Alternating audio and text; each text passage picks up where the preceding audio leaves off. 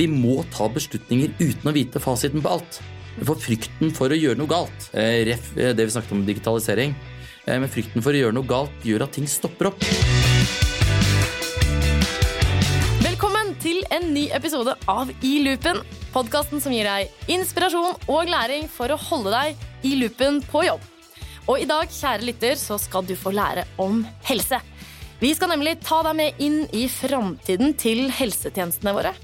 For hvordan vil egentlig et sykehus se ut i framtiden? Og hvordan vil det være å være pasient? Eller kanskje ikke det vil hete pasienter, eller kanskje ikke du vil være pasient i framtiden. I hvert fall, det er mer om det kommer, men jeg kan jo røpe at store ting er på vei. Og jeg er så heldig å ha med meg ved siden av meg en eh, superengasjert helsetopp. Anders Moen Frafjord, eh, administrerende direktør ved Diakonhjemmet sykehus og styreleder i Norsk sykehus- og helsetjenesteforening. Velkommen, Anders. Tusen takk. Hyggelig å være her. Og eh, Sumaye Bach ved siden av meg, som er leder for Deloitte helse i Norge. Velkommen, Sumaye. Tusen takk. Men dere to, altså jeg har lyst til at lytterne skal bli, bli litt kjent med gjestene som jeg har her i studio. Så tenkte jeg først liksom høre fra dere sånn personlig, da. Hvorfor, hvorfor jobber egentlig dere med helse? Men vi starter med deg, Anders. Det er egentlig litt, litt tilfeldig, og så er det nok kanskje ikke så tilfeldig allikevel. Jeg gikk på uh, den gode gamle rådmannsskolen, som man kalte det på 90-tallet. Norsk kommunal- og sosialhøgskole. Ja. Uh, og det er en veldig sånn generell utdannelse, fantastisk god utdannelse. Uh, som du egentlig kan utdanne til veldig mye rart, mm. kanskje med vekt på offentlig sektor. Og så begynte jeg i, å jobbe i noen bydeler.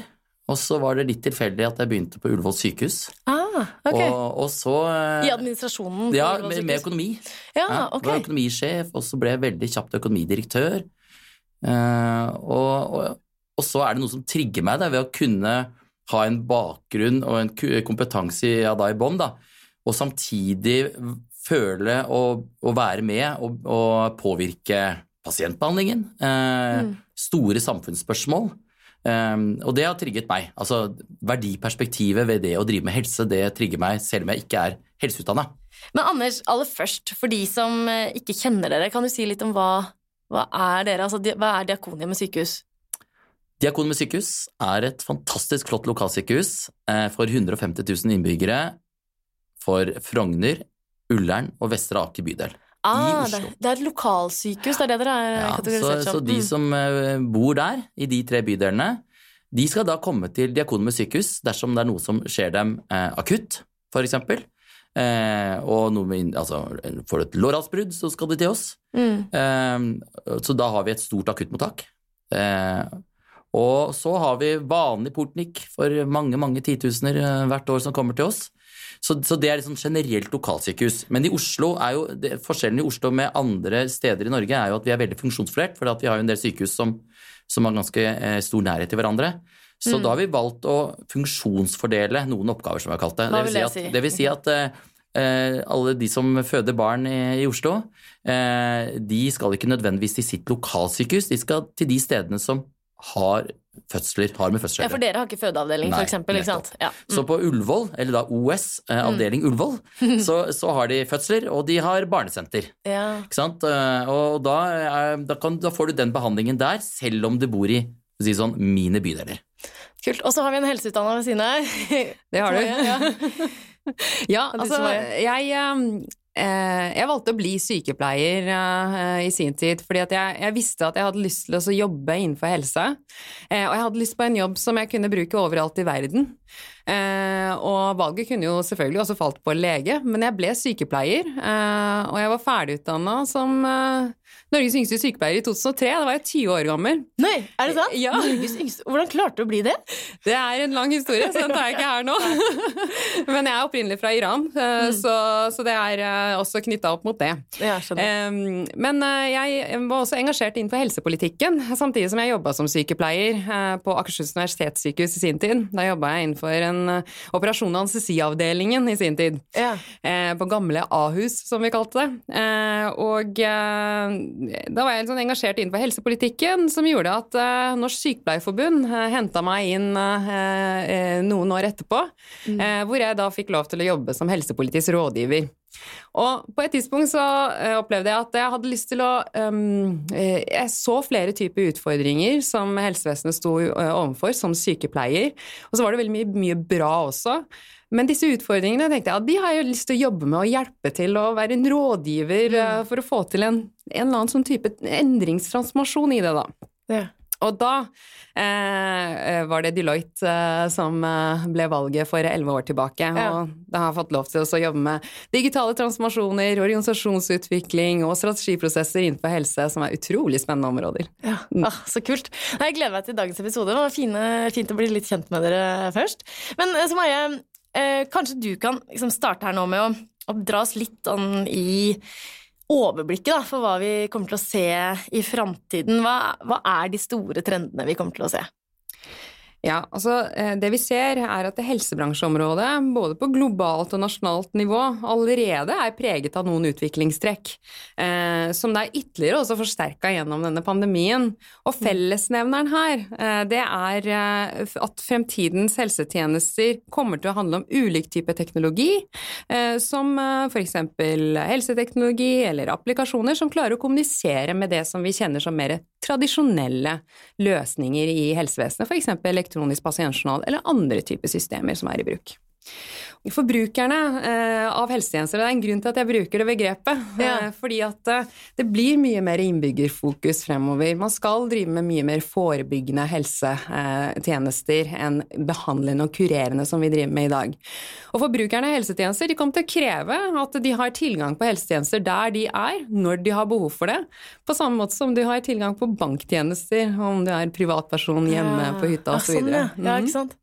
For det var jo det her jeg prøvde å hinte til i introen, da, med at man liksom ikke kanskje er pasienter på samme vis, eller at man kanskje ikke ser på oss bare som pasienter, da, ikke sant? Ikke sant, det er helt riktig.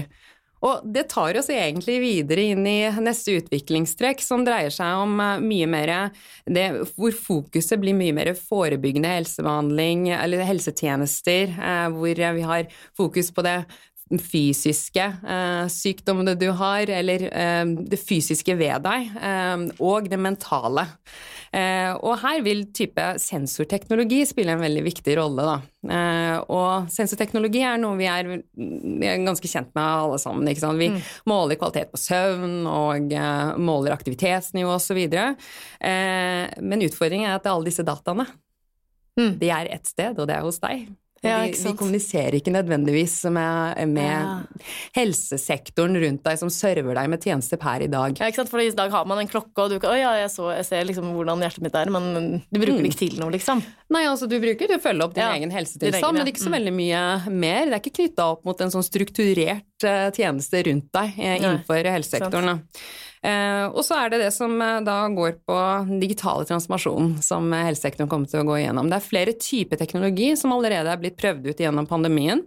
Eh, F.eks. virtuelle helsetjenester og type kunstig intelligens og skytjenester osv. Så, videre. så den typen teknologi kommer man til også å bruke mye mer til å bygge opp innovative tjenester innenfor helse, da. Mm. Mm. Eh, altså, det her er jo store temaer, så jeg vil høre fra deg da, Anders. Hva tenker du at Hva er da det store gapet mellom det, sant, det som Maje snakker om nå, og der Helse-Norge står i dag? Egentlig så må jeg si at gapet ikke nødvendigvis er så innmari stort. Jeg mener faktisk at vi snakker, snakker ned litt, ja, eh, hvordan helsetjenesten er i Norge. Ok, ja. ja jeg, eh, vi er faktisk blant la oss si, topp tre av de beste helsevesenene i verden. Noen sier at vi er, har det beste helsetjenesten i verden. Mm. Eh, og så er det aldri så bra at ikke det kan bli bedre. Nei, sant. Og det er masse muligheter der som skal pushe det. Og, og eh, det er jo det som er med helsetjeneste. Det er et utrolig stort, eh, stort cruiseskip, mm. eller tankskip, som skal flyttes. Eh, og da kan du ikke ta krappe svinger ut fra de mulighetene som finnes. Du kan ta noen shortcuts. Det funker ikke. Du må ha med deg hele systemet. Hele tankskipet skal med.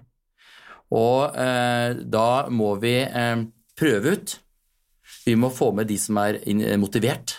Mm. Og så eh, når vi får erfaringer, så kan vi tilpasse de løsningene som vi har erfart, og så kan vi bredde det ut videre.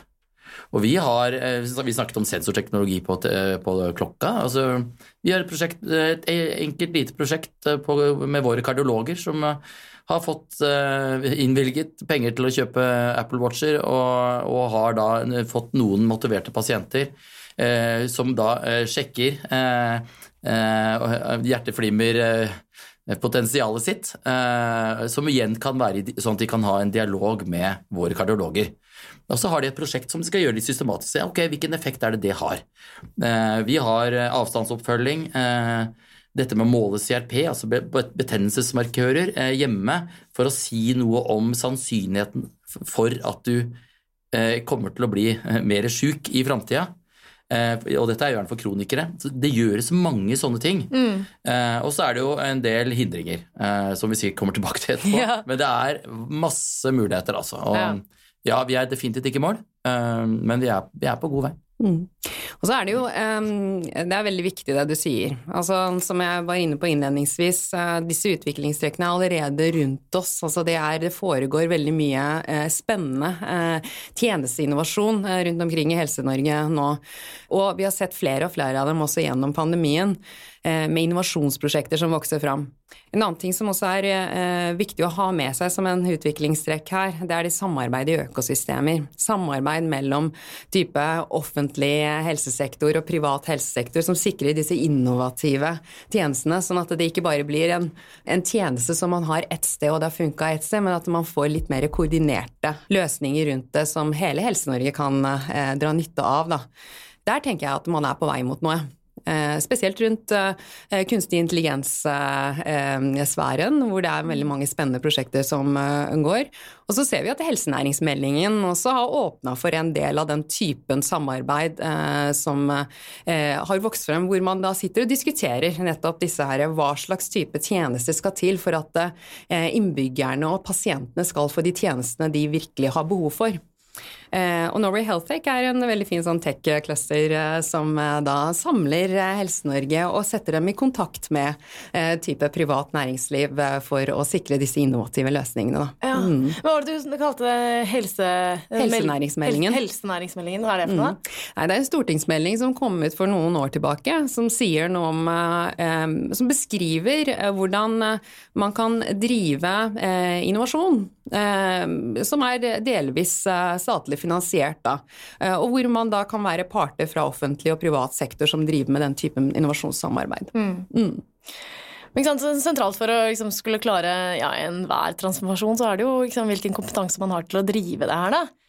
Hva vil det her kreve av uh, framtidens arbeidsstyrke, da? Jeg kan si noe om hva utviklingstrekkene sier på det.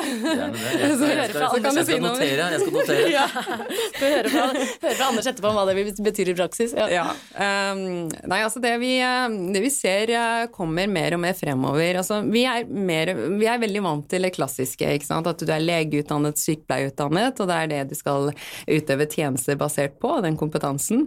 Men fremover så blir også en kombinasjonen mellom teknologi og klinisk kompetanse, som vi kaller det. Altså at du har medisinskfaglig kompetanse. Det blir en viktig bit av det. Fordi tjenester kommer til å utøves eh, mye mer eh, teknologibasert, da. Eh, og nye typer generasjoner som kommer eh, kanskje til å shoppe mye mer. Eh, eh type jobber som tiltaler dem. at f.eks. at helsevesenet har mye mer fokus på bærekraftige aspekter, bærekraftige helsetjenester. Det kan tiltale nye typer generasjoner inn i denne typen tjenester. Da. Mm. Ja, nei, jeg er helt enig. Og det eh, Jeg som leder for et stort lokalsykehus i Oslo eh, må være bevisst på eh, dagens utfordringer. Både i forhold til utviklingstrekk innenfor medisin og, og, den kompetansen vi har. Og hvordan er det vi skal møte da framtidas behov og, og framtidens arbeidstakere. Jeg er helt enig i at de vil sette andre krav til oss på hvordan vi skal tenke helhetlig. Og, og når vi snakker om bærekraft eh, Fortsatt, selv om FNs bærekraftsmål er, er ganske stort og, og sammensatt, så er det, er det, en del som tror at bærekraft dreier seg om miljø. Eh, og, og det, er, det, er, fint å ha ulik farge på avfallet. Det skal vi også gjøre.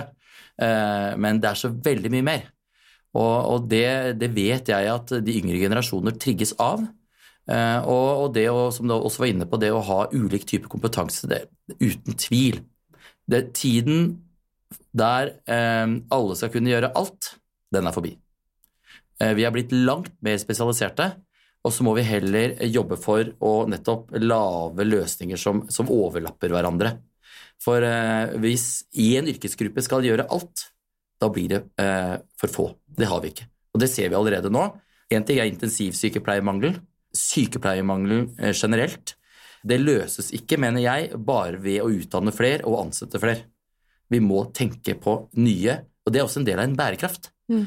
Og, og Men hva betyr det, Anders? Altså, det handler ikke bare om sykepleiere. Hva mener du? Hva mener du det, det, vi, vi, vi har jo allerede erkjent at om noen år så har vi en så stor mangel på sykepleiere i Norge at vi vil ha problemer med å utøve det ansvaret vi har innenfor helsetjenesten. Eh, og eh, da må vi gå inn og se hva kan vi da gjøre. Eh, og som sa, Den enkleste løsningen, som allikevel ikke er bærekraftig, er bare å ansette flere eller utdanne flere, for det vet vi at ikke går. Hadde vi eh, hadde alle de som er utdannet sykepleiere i dag, jobbet i helsetjenesten, hadde det vært null problem. Eh, sånn som Sumaye, som har valgt å ikke jobbe i helsetjenesten, men selvfølgelig er viktig for helsetjenesten allikevel. Men? Det, er ut, det er utrolig mange tusen som har valgt å gjøre noe annet. Ja. Så kan vi alltid jobbe for å gjøre det mer attraktivt for sykepleiere å komme tilbake til helsetjenesten. Det skal vi også gjøre. Men, men mitt poeng er at vi må se på er det oppgaver i dag, da, for, som f.eks. sykepleiere gjør i dag, som noen andre kan gjøre. Ja. Eh, og, og det er den spesialiseringen og samtidig den overlappingen med hverandre. og Det, det vil jo gjelde for leger også, eh, og andre, eh, andre funksjoner.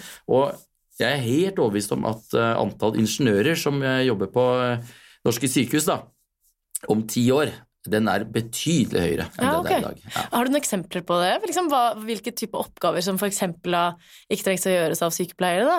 For, fordi, for meg som ikke jobber på et sykehus, så er det bare vanskelig å se for meg i praksis hva det betyr. Ja, nei, det er jo det er der digitaliseringen kommer inn. Mm. Eh, Hva er det som kan gjøres av andre?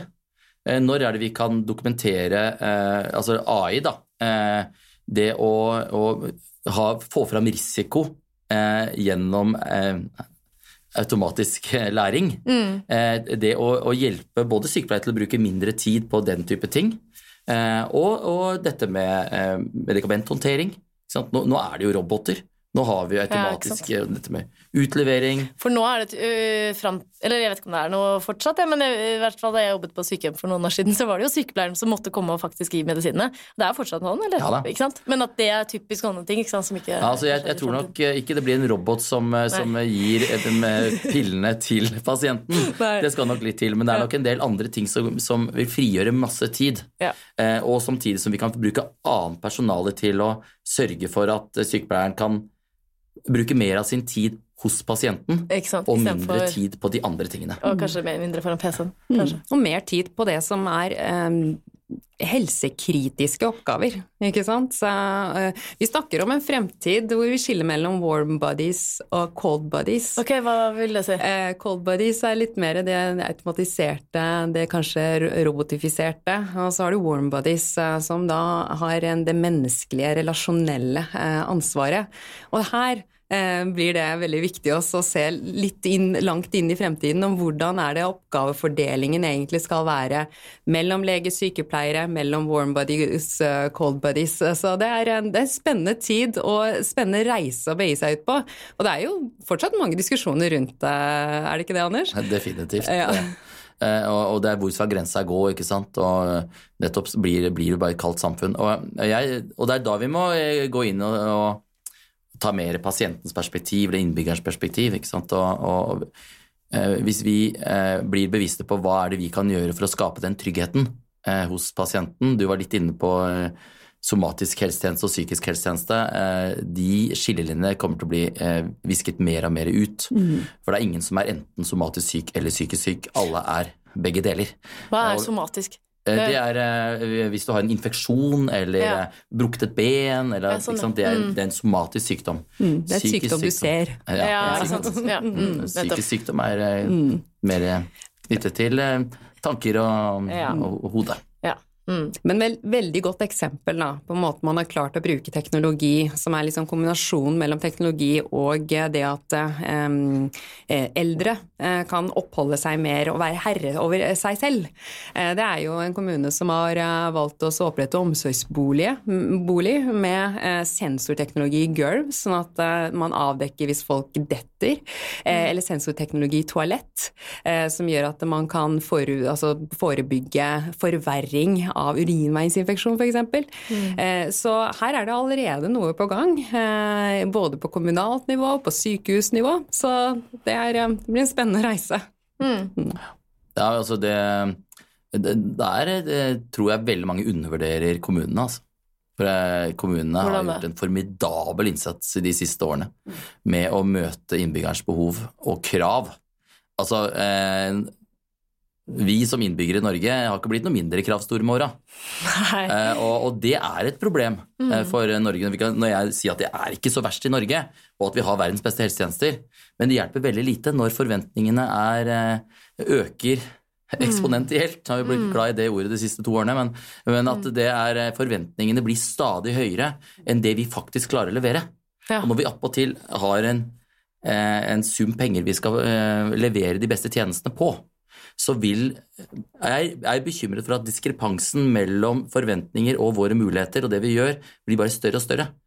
Og det må vi hjelpe hverandre med å, eh, å bryte ned, rett og slett. Men hvorfor blir forventningene våre så store, tror du? Altså, er det fordi alt annet i samfunnet går så fort, og eller Ja, vi blir jo påvirket av uh, av reklame. Ja. Mm. Eh, politikere som skal velges hvert fjerde år. Det er noe mm. fantastisk med demokratiet vårt at vi mm. kan eh, velge hvem som skal styre landet. Men med den uh, ulempen da, at uh, man gjerne lover ting uh, som ikke nødvendigvis er mulig å få til. Og, og det er et dilemma vi står overfor. altså At man mm. kan si veldig mye om det man skal gjøre, og, og så er det fryktelig krevende å få til i praksis. Mm.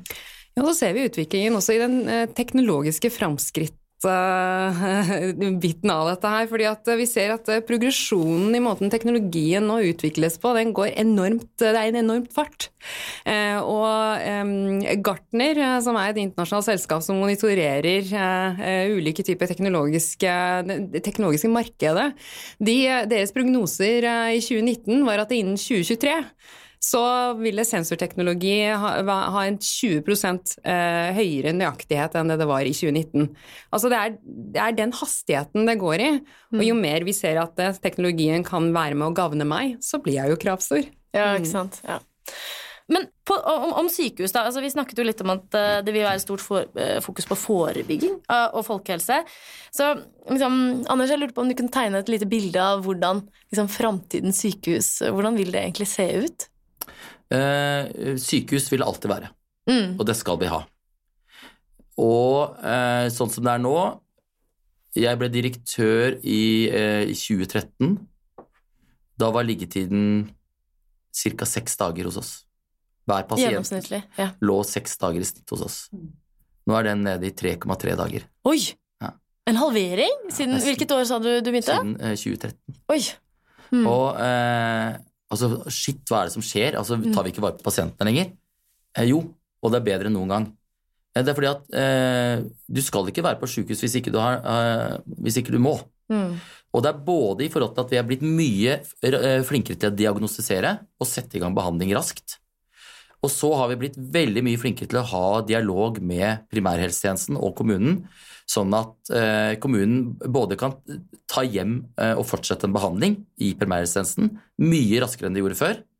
Eh, og så at, at, vi i samarbeid med kommunen kan sørge for at folk holder seg friske. At de, de, får, de kommer ikke over den terskelen som gjør at de må få hjelp på sykehus. Altså, kols, har du kols, da pusteproblemer, så, så er, er, det en del signaler du får i forkant før du så, får så tungt pustebesvær at du må legges inn. Mm. Eh, og, og det, er, det, er, den hele kjeden. Og derfor så, ja, vi kommer til å ha sykehus i all framtid, men den kommer til å være mer spesialisert. Mm. Eh, og det er, eh, det er framtida, og det er kjempebra. Og så er det jo det å klare å møte det, da, for da er vi tilbake til forventningene. ikke sant? Det er jo eh, Myndighetene har jo ganske klare forventninger til hva vi skal gjøre, eh, og de rammene de, de gir. Og så har jo vi som innbyggere har jo forventninger til eh, hva vi skal få hvor, og så har eh, behandlere, eh, ansatte i helsetjenesten, også en del forventninger til hvordan eh, de skal bli ivaretatt. Og det er ikke alltid samsvarende. Og det, det må vi eh, Vi må jobbe sammen om å møte altså, Sånn at krav og forventninger blir litt likere, da. Og da tror jeg vi lettere kan klare å, å nå framtidens helsetjeneste i de potensialene som ligger der, da. Men det er blitt utrolig mye bedre på veldig kort tid. Men ok, Anders, da, så pasientene, eller menneskene, skal være kortere tid på sykehus, ikke sant? Og det er de jo allerede. Men, men uh, hvor skal de være da? De skal være hjemme. Eh, hvordan får vi til det? Ja, Det, det får vi til ved at eh, vi, ha- vi har en helt felles helsetjeneste på Mhm. tvers av nivåene i Norge, som sammen tar et eh, ansvar for de eh, selvbevisste innbyggerne vi har. Ja. Og, eh, og da er det eh, Teknologi er jo et eh, verktøy, virkemiddel, for å få til kanskje det aller viktigste, og det er trygghet. Mm. Vi, eh, vi må Ja. skape den trygghetsbasen eh, innbyggerne våre egentlig krever og forlanger. Og, Mm. og, og da Du var vel litt inne på det før i dag også. Innbyggeren forventer å få de tjenestene de ønsker, uavhengig av tid og sted. Ja. Mm. Og, eh, og på noe, til noen grad så vil det være fullt mulig, og andre grader er ikke det mulig i det hele tatt. Nei. Men det å da prøve å klare å få til en sånn helhet som, som danner basen for at, at de får den tryggheten at de hvis de virkelig må på sykehus, så kommer de også på sykehus. Mm. Men før det så er det veldig mange andre ting vi kan hjelpe til med. Ja, ikke sant. Men det å føle trygghet, ja. Ja, og dette her, det fordrer noe, eh, ikke sant? Og dette fordrer at eh, man har um, løsninger som gjør at eh, sykehusene og kommunen der du bor, eh, virkelig klarer å ha en digital kommunikasjon om deg og din helsetilstand, så at de kan serve deg med de tjenestene som du virkelig har behov for. Eh, og dette her eh, krever at eh, data flyter mellom ulike nivåer. Eh, og da betyr det også at den typen data eh, må være en, en type standardisert data som klarer å bevege seg mellom disse nivåene, eh, og at dette her eh, er basert på plattformer som da ikke eksisterer foreløpig i dag. Forutenom et, prøve, altså et prøve, prosjekt da, som foregår i Helse Mitt med Helseplattformen, eh, som eh, nå eh, starter sin pilot ut i april.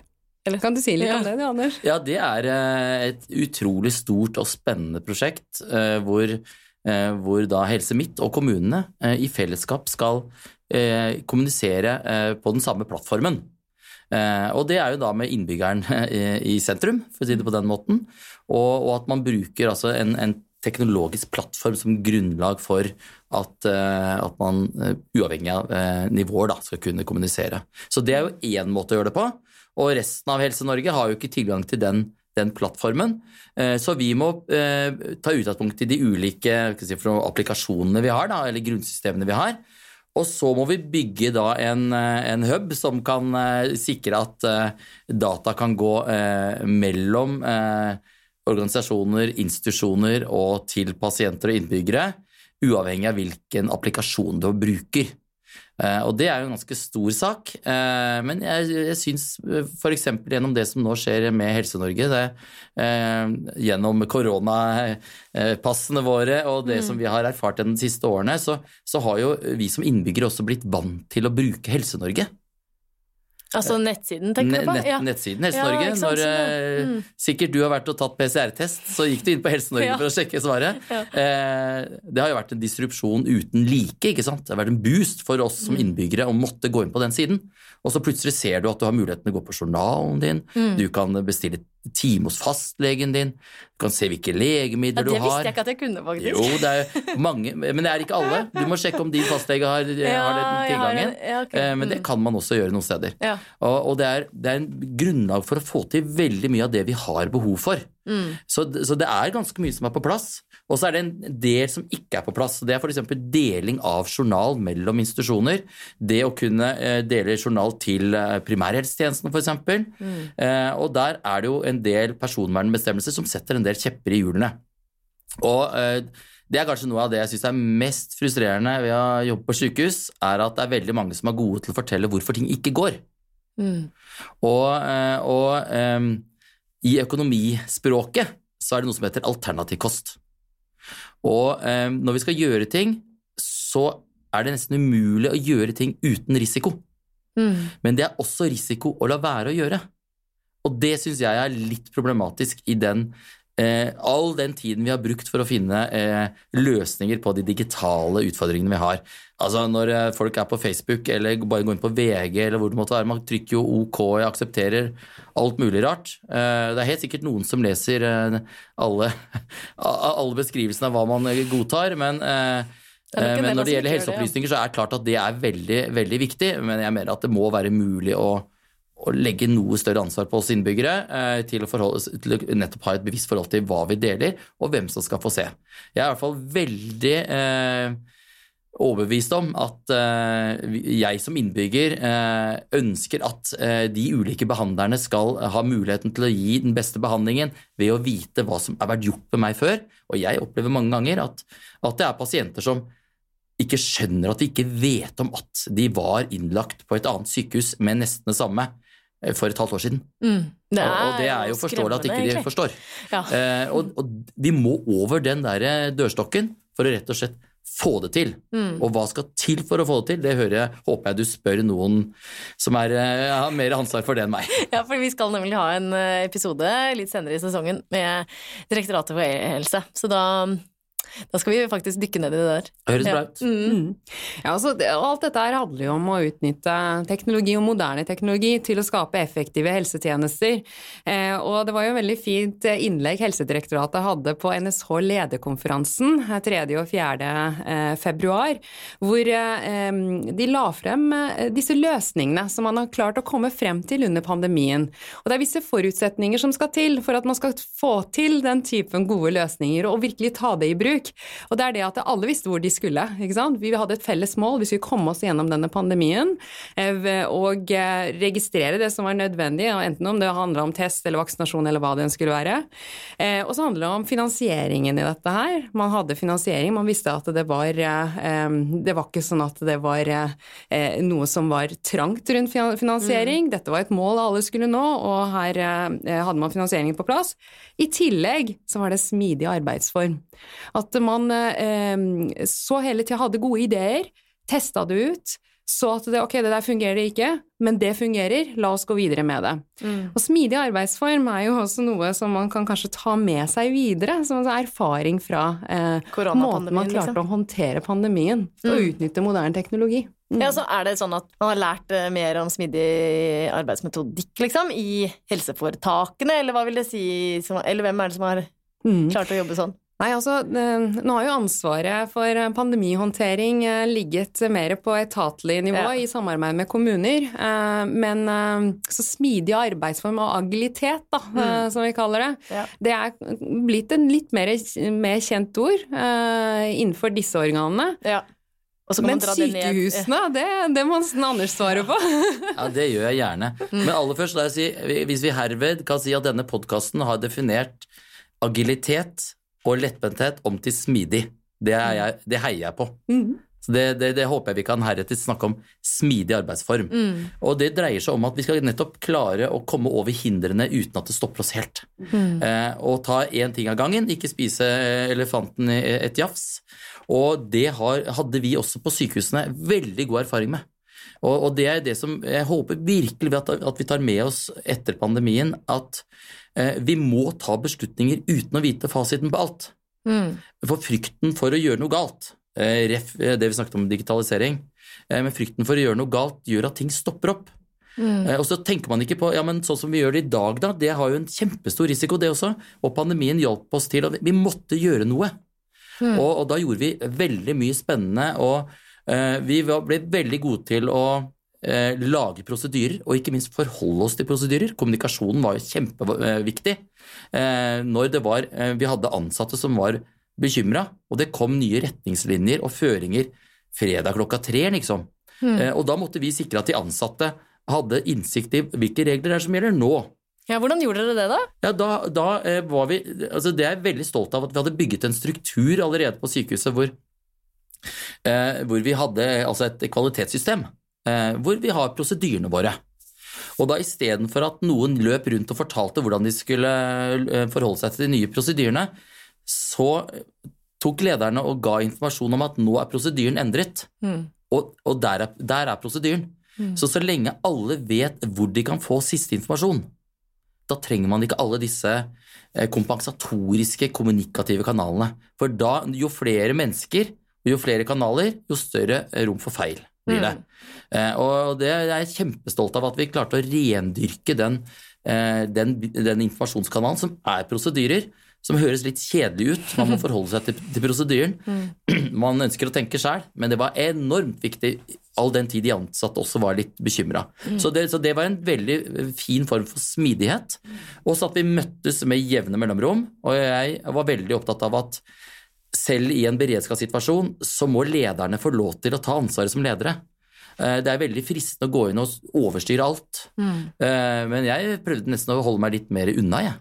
Ja. Eh, og så lenge vi stolte på de systemene vi hadde, hadde noen grupper som jobbet med det, og så visste vi når er det vi skal ta noen sentrale beslutninger, da var det også lettere å, å, å få um, gjennomslag for beslutningene, og da er det det vi gjør.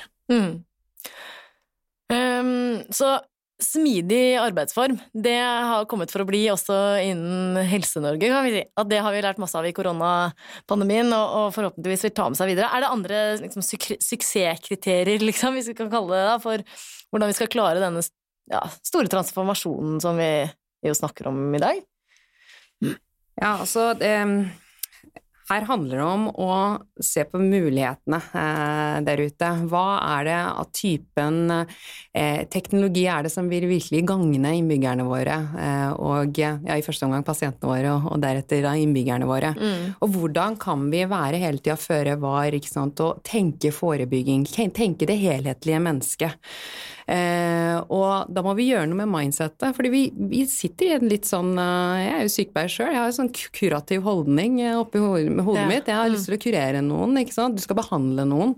Eh, men eh, fremtiden dreier seg om det mennesket som har tilgang på det den trenger av tjenester der den er, og helst da før sykdommen har oppstått. Ja. Mm.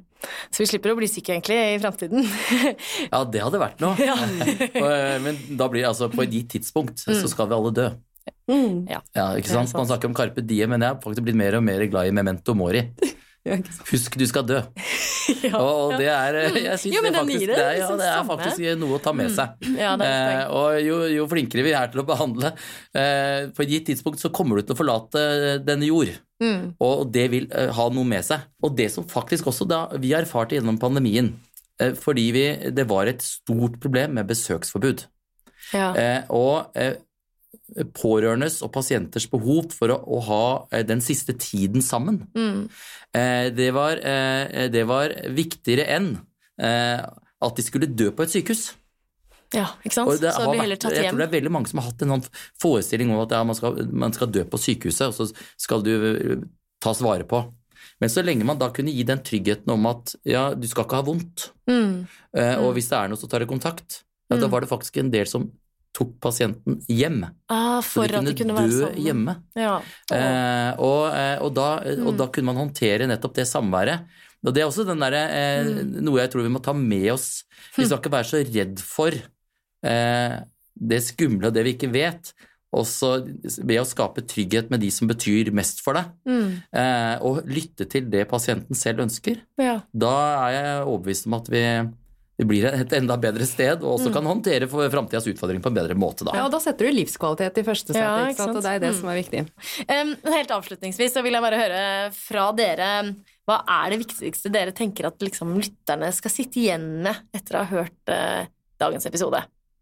Har du noen tanker, Anders? Absolutt. Eh, Det, jeg mener jo ganske mange ting. Mm. Eh, Men jeg, jeg ønsker at man skal sitte igjen med at vi, vi faktisk har et av verdens beste helsevesen. Eh, Og så, eh, Vi var også inne på at de medisinske mulighetene øker. Forventningene til hva vi kan gjøre, øker. Mm. Samtidig så har vi noen rammer å forholde oss til. Jeg betaler min skatt med glede, men innen rimelighetens grenser. Jeg vil i hvert fall sikre meg at jeg får noe igjen for de skattepenga. Mm. Og derfor så er det noen rammer. Og, og det at vi faktisk Jeg opplever at vi i helsetjenesten gjør det beste vi kan innenfor de rammene vi har. og ting har blitt utrolig mye bedre. Jeg hadde den lille historien, det var liksom 8-10 år tilbake i tid. Men hvis man går 20 år tilbake i tid, eller 30 år tilbake i tid, så er det altså enorme endringer som vi har vært med på. Mm. Og vi i helsetjenesten har vært med å, å drive gjennom og møte de forventningene som er. Mm. Eh, samtidig så er det altså sånn at vi ikke får til alt. Men vi gjør alt vi kan for å bli litt bedre hver dag. Og det må man kunne forvente av oss. Mm. At vi hele tiden jobber for å bli bedre. Eh, så istedenfor å hogge i huet av oss når vi gjør noe gærent, for det er jo ingen som liker å, å, å få kjeft, eh, så ønsker jeg at også eh, innbyggerne og vi i samfunnet Norge skal hjelpe oss i helsetjenesten til å bli litt bedre hver eneste dag. Hmm. Ja, jeg tenker at eh, det man bør si, klare å sitte igjen i etter å ha hørt på denne podkasten, er at vi går inn i en fremtid hvor alle bør ha et felles mål om å skape de bærekraftige helsetjenestene, hvor vi utnytter moderne teknologi og bruker smidig metodikk til å få testa ut hva er best for å imøtekomme innbyggernes behov der de er. Ja, men Da takker jeg for det. Jeg syns det var eh, kjempespennende. Gleder meg til uh, framtiden. og selv om vi kanskje ikke har eh, så mange sykepleiere som man på en måte skulle ønske, så må vi satse på at dette kommer til å gå veldig bra likevel. Jeg synes det høres, høres, ut som det. Masse spennende utfordringer og muligheter. Eh, tusen takk til dere, Anders og Somaye, for at dere var med i dag.